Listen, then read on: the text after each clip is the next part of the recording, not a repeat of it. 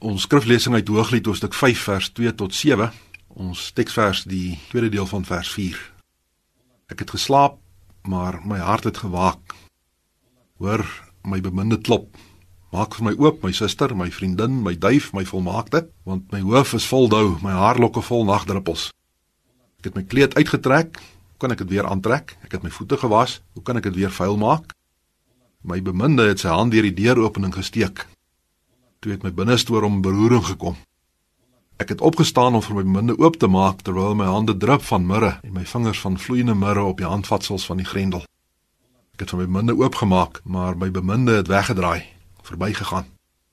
Ek het my besinning verloor toe hy gespreek het. Ek het na hom gesoek, maar hom nie gevind nie.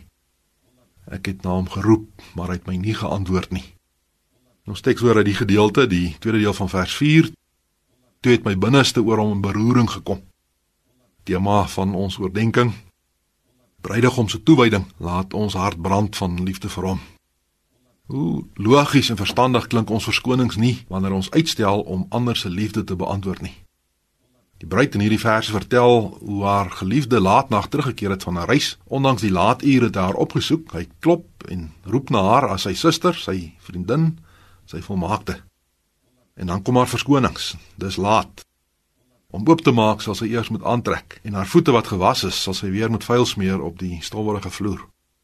Tog tal hom die bruidegom nog. Hy steek sy hand deur die deuropening en gooi 'n flesie mirre uit as bewys van sy liefde en dit laat haar verkrummel. Haar hart kom in beroering oor hierdie volkomme toewyding en liefde van haar beminde. Maar dan as sy die deur oopmaak, is dit te laat. Hy het vertrek. Sy het te lank gehuiwer. Hy moes op haar wag. Nou roep sy en sy soek, maar hy antwoord nie. Wat 'n verskrikking. Hoe dikwels stel ons nie ons geliefdes te leer met mooi klinkende verskonings vir ons eie laksheid nie. En die ergste is dat ons dit ook doen teenoor ons hemelse bruidegom. Hoe laat ons hom nie staan om te klop en te klop nie. En as hy dan wegraak, is die klag van ons gewete helder en duidelik. Jy het uitgestel. Ander dinge was vir jou belangriker. Jy het sy genade middele verag genadiglik is sy vertrek nie permanent nie, maar vir ons stigtiging, sodat ons sal leer om die bewyse van sy liefde nie te versmaai nie. Laat jou hart daarom weer in jou binneste opspring as hy sy volhand deur jou deurkom steek. Ons bid saam. Ons Vader, ons bely ook ons liefdeloosheid teenoor mekaar en teenoor U aan die einde van hierdie dag. Hoe maklik maak ons nie verskonings waarmee ons ons naaste teleurstel nie. Hoe skeef is ons prioriteite nie. Hoe maklik draai ons nie ons rug op ons hemelse bruidegom nie.